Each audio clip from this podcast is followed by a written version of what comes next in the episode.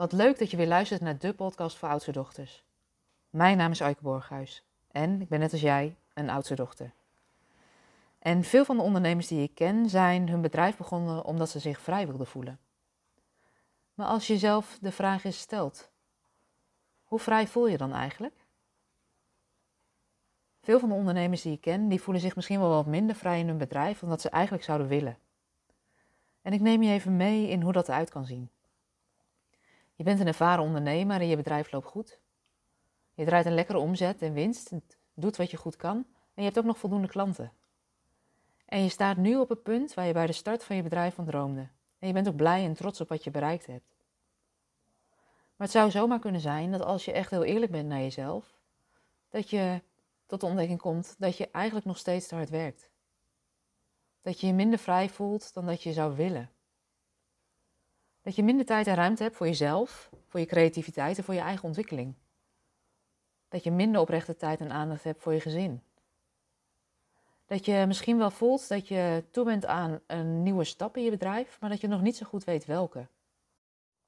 Dat je merkt dat je wel tijd voor jezelf inplant, maar dat die steeds wordt opgeslokt door andere zaken die ook prioriteit krijgen.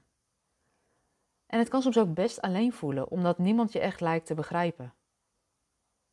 Ik heb ontdekt dat het alleen voelen um, voor oudste dochters best heel vertrouwd is en ook voor ondernemers die al wat langer bezig zijn.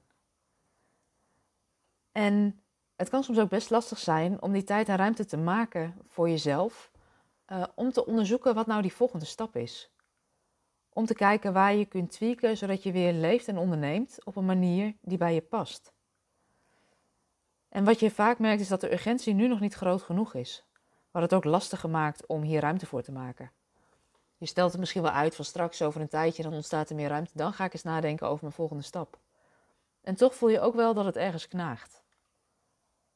Je voelt misschien wel dat je toe bent aan een volgende stap in je bedrijf, maar je weet niet zo goed welke. En tijd en ruimte om dat echt te onderzoeken, die is er niet. Want er is altijd wel iets te doen wat je aandacht vraagt. Een klant die belt, een mailtje wat beantwoord moet worden, je administratie, noem het maar op. Wat je vaak ook merkt, is dat je directe omgeving niet zo goed begrijpt waar je mee bezig bent. En dat je merkt dat in een netwerk waar je deel van uitmaakt, je vaak verder bent dan de rest. En als je heel eerlijk bent, dat voelt best alleen en je voelt je niet altijd even begrepen. En daarin ben je niet de enige. Want hoe fijn zou het zijn om het jezelf te gunnen om die vrijheid in die ruimte, waarom je tenslotte ook ondernemer bent geworden, terug te pakken? Hoe zou het zijn om het een jaar lang niet alleen te doen? Als je nu voelt, ja, dat lijkt me wel fijn, dan wil ik je graag uitnodigen om samen op ontdekkingsreis te gaan. En wat zo fijn is aan deze ontdekkingsreis, is dat je het voor jezelf organiseert, dat je in ieder geval enig in de maand de tijd en ruimte regelt voor jezelf, om uit te zoomen, om afstand te nemen en om reflectietijd in te bouwen. Het is een dag waarin je niet klaar hoeft te staan voor klanten, maar waarin ik zorg voor jou met lekker eten, drinken op een fijne plek en meer. Dat doen we niet alleen, maar dat doen we met een groep gelijkgestemde vrouwen. En we gaan samen op onderzoek uit en op ontdekking. En er is volop ruimte om stil te staan bij je eigen vragen en die te onderzoeken. Dat doen we vanuit systemisch perspectief, waardoor je na die dag ook weet wat je eerste stap is. Het hele jaarprogramma wordt ook ondersteund met een hele academie waarin je echt leert uh, hoe je systemisch kunt kijken, systemisch kunt werken. Maar dat hoeft niet. Want wat ik terugkrijg van veel van de deelnemers is dat ze zeggen: um, de inzichten uit de dag neem ik eigenlijk gewoon mee in de werkpraktijk en ik kan het direct toepassen. En dat geeft meer ruimte. Dus het is niet harder werken, maar het is slimmer werken. En mocht je het wel fijn vinden om die achtergronden terug te lezen, dan kan dat dus. En er zijn ook audiobestanden opgenomen, zodat je dat tijdens het wandelen kan doen. Of terwijl je misschien in het huis wat dingen aan het doen bent. Waardoor het je niet heel veel extra tijd hoeft te kosten. Tussen de live dagen door ben ik er ook voor je om even met je te sparren. Dus mocht je ergens tegenaan lopen in je bedrijf of in je leven, want je bent tenslotte een heel mens, dan kan ik even met je meekijken, waardoor je al vrij snel weer verder kan en niet eindeloos gaat zitten malen in je hoofd. Voel je nou, oh, dit zou ik ook wel willen? Dan wil ik je uitnodigen om een gesprek met me aan te vragen. We gaan met maximaal acht vrouwen op ontdekkingsreis, omdat ik wil dat er voldoende tijd en aandacht is voor jou en voor jouw vraag. Doordat die groep zo klein is, is die vaak ook heel veilig, waarin er eigenlijk van alles onderzocht kan worden met elkaar. En dat is super waardevol. We werken dus ook echt met praktijkvragen van jou, praktijkvragen van de andere deelnemers, zodat je ook de inzichten zo snel mogelijk kan toepassen in je, in je werk.